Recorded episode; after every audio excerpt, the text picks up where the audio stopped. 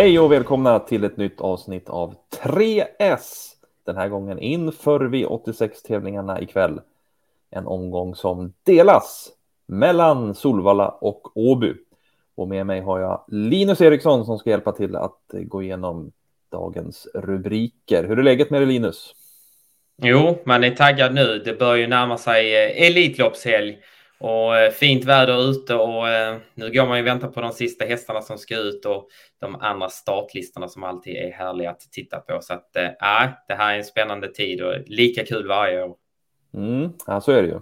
Och eh, du kanske också är taggad inför kvällens omgång för det är ju jackpot ikväll på V86. Ja, det är inte fel. ATG beräknar väl att det kommer ligga 16 miljoner i åttarättspotten och eh, bli ensam på dem. Hade inte varit helt fel en eh, sån här onsdag. Då har man lite att köpa häst för till, eh, på auktionen nästa fredag. Mm, ja, du ser. Det kan ju vara riktigt passande då att försöka ta in en stor vinst. Och ehm, ja, vi ska väl gå på tipsen då, då som vi har här i programmet och inleder med rubriken Spiken.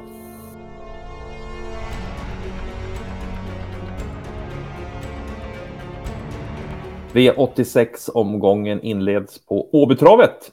Det är ett sprinterlopp för den högsta klassen och favorit är fyra Beppi Bi som vi såg eh, imponera förra årets Elitloppshelg i fyraåringseliten. Blev ju bara två den gången bakom Sister Sledge, men det var ju en härlig duell vi fick se där av Beppi Bi. Men eh, fem starter nu på slutet här och ingen seger ser jag i raden där, så vad kan du berätta om fyra Beppi Bi?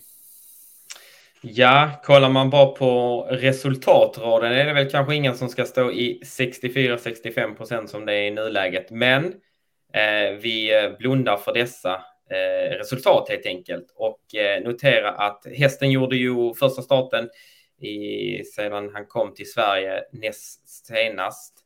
Eh, och satte fast i ryggledare bakom Önas Prins. Det var ju det här loppet som San Motör vann på ett imponerande sätt.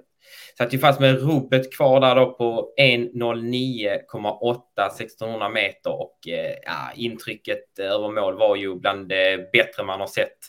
Eh, man satt ju bara att hade det funnits som man hade kunnat springa över hästarna hade han nog gjort det och eh, kanske vunnit loppet till och med.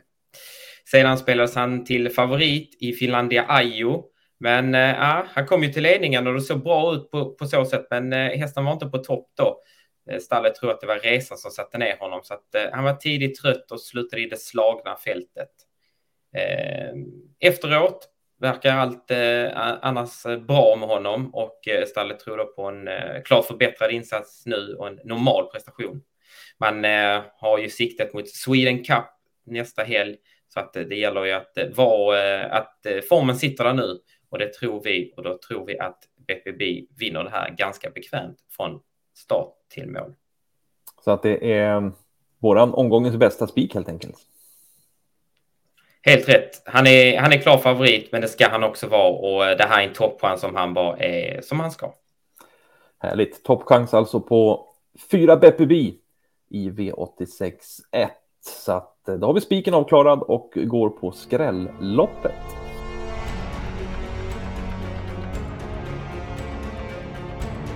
Då ska vi leta skrällopp och skrällhästar och det gör vi i V86 4 som ju går på Sol Solvalla och är ett eh, storlopp.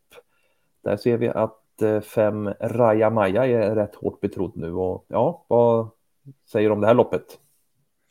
Ja, det här var inte lätt att bena ut. Eh, vi har faktiskt eh, ingen A-häst i, i, i loppet, vilket eh, inte händer så ofta, men det händer. Och det har det gjort den här gången för att ja, vi har svårt att, att verkligen tycka att det är någon häst som sticker ut här, även om vi tycker det är rätt att fem Raja Maja är favorit. Så ja, det här, det här känns inte som en lättlös historia och vi kommer att sträcka på sträcka på och då får vi med lite skrällar också. Någon speciell häst som vi har skrällvarning för? Ja, vi tycker att eh, Cersei Karma är alldeles för lite sträckad i nuläget. Hon eh, har visserligen inte vunnit lopp, men har gjort jämna och bra insatser hela tiden. Sedan tycker vi att hon har lyft sig en del sedan hon började tävla barfota runt om. Kom från tre fina insatser här. För tre starter sedan höll hon till exempel bra från utvändigt ledaren. Och senast spurtade hon bra som uppanmäld eh, in som fyra då bakom hästar som Elisa Turf, Annie Lennox eh, som var ett och två i mål eh, och Indira Split dessutom från eh, stall Timo Nomo. Så att, ja, det var bra hästar emot senast och, och fjärdeplatsen där var med mer smak och lite mer passande nu. Då tror jag att Cersei Karma kan få eh, sin första seger. Kul! Det låter ju härligt med en sån, eh, ja i nuläget är det en riktigt låg procent där. Är det någon mer som ska lyftas fram här tycker du eller är det bra med Cersei Karma? Ja, vi har två roliga bud i tre. Konrads Kim som eh, har en del fart och, och kunnande när hon eh, väl får, eh, får till det så att säga. Hon, eh, hon är väl lite upp och ner i prestationerna men fartmässigt duger hon jättebra i ett lopp som detta och fint utgångsläge dessutom. Sedan vill vi även varna för att sju Make It, Make It A Star som gjorde debut för Marcus B. Svedberg senast var uppåt eh, inför snacket där, men tyvärr eh, slutade, eller slutade det blev galopp efter 200 meter när hon skulle se ut att vara på väg mot ledningen. Eh, vi tar dock med oss snacket inför och eh, säger varning för 7 Make It A Star. Härligt. Skrällopp alltså V86 4 med eh, främst då 3 Konrads Kim, 6 Cersei Karma och 7 Make It A Star som vi varnar för tre lågprocenter där alltså. Så att eh, det var kul. Och då återstår ju bara en rubrik här i programmet och det är chaset.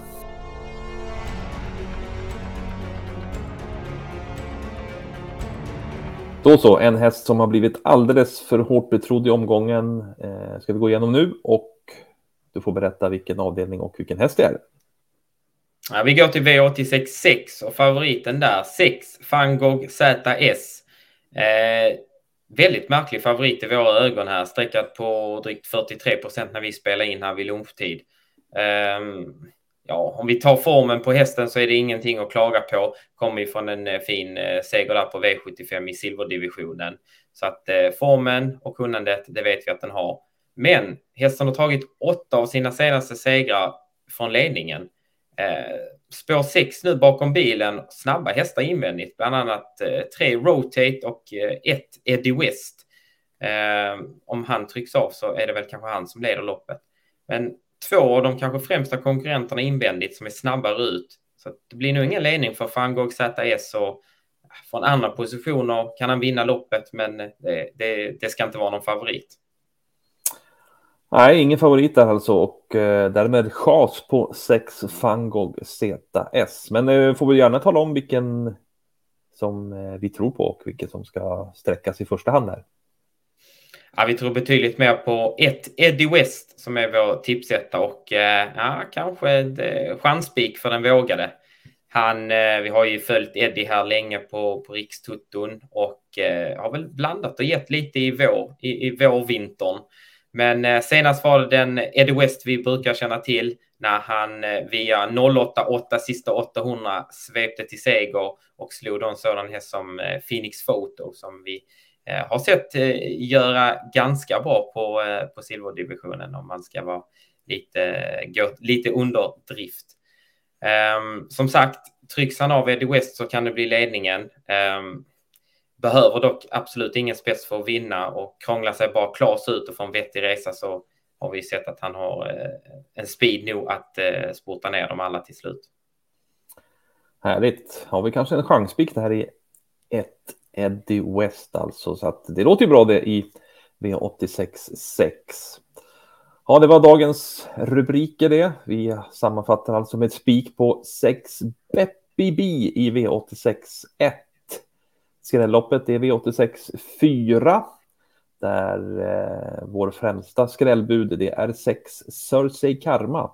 Och så chaset då, nummer 6 Fangog ZS. En alldeles för hårt betrodd omgång, i, i favorit i, i, omgången här tycker vi och ja, ett Ed West tror vi med på och kanske att det till och med kan vara en chansspik. Ed West alltså.